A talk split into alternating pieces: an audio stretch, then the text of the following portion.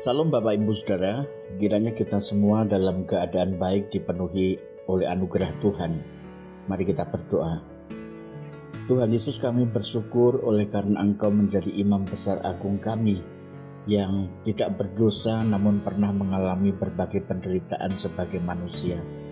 Kami bersyukur dalam nama Tuhan Yesus. Amin. Bacaan Alkitab hari ini dari kitab Ibrani pasal 5 ayat 1 sampai 5. Secara khusus kita akan membaca ayat 4 sampai 5 saja berkata demikian. Dan tidak seorang pun yang mengambil kehormatan itu bagi dirinya sendiri, tetapi dipanggil untuk itu oleh Allah, seperti yang telah terjadi dengan Harun.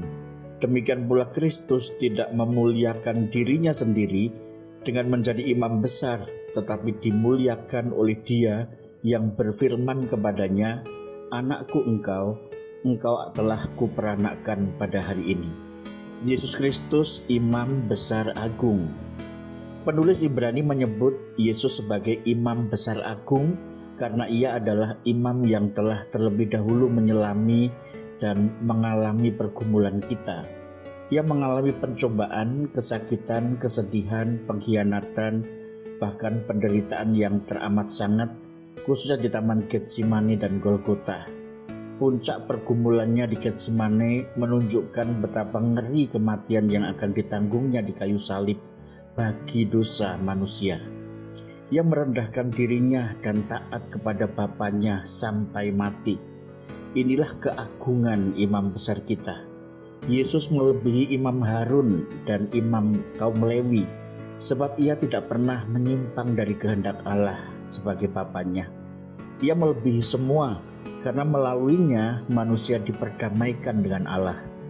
Gelar keimaman Yesus sebagai manusia membuat ia dapat mengerti keberadaan penderitaan kelemahan kita. Ia terlebih dahulu menerima penghinaan dan mengalami penderitaan yang jauh melampaui apa yang kita alami. Sehingga ketika ia berperan sebagai imam, perannya menjadi sempurna Yesuslah satu-satunya yang mencapai kesempurnaan. Oleh karena itu, ialah pokok keselamatan yang abadi bagi kita yang taat kepada Allah selama-lamanya. Dalam anugerah Allah Bapa, Ia datang kepada kita sebagai pemberi hidup, bukan penumpas. Ia memberi kita seorang perantara yaitu Imam Agung Yesus Kristus Tuhan kita, supaya mewakili keberadaan kita yang berdosa ini ditutupi, sehingga yang tampak di hadapan Allah Bapa kita adalah ketaatan Sang Kristus yang sempurna. Kita diselamatkan dari murka Allah oleh karena pengorbanan Kristus. Saat pengharapan kita luntur dan iman kita lemah, Kristus Sang Imam Besar Agung tetap sabar dan tidak menyerah terhadap kita Belas kasihnya yang indah mengembuskan hidup di dalam hati kita. Dia panjang sabar dan berlimpah kasih setia. Dialah sumber segala belas kasihan sejati. Dia sungguh adalah Bapa penghiburan dan Tuhan kita yang menjadi imam besar agung. Dia imam besar yang lemah lembut, yang tersentuh oleh rasa kelemahan kita dan menawarkan belas kasih yang kita perlukan pada waktu yang tepat. Dia sahabat yang setia selamanya. Dialah Bapa yang mengundang kita ke atas pangkuannya untuk memberikan penghiburan kasih. Hidup memang bisa menjadi sangat berat. Orang bisa sangat kejam dan ada kalanya kita merasa ditinggalkan sendirian. Namun kita tidak pernah benar-benar sendirian karena Bapa beserta dengan kita dan kasihnya lembut memulihkan kita. Mari kita berdoa.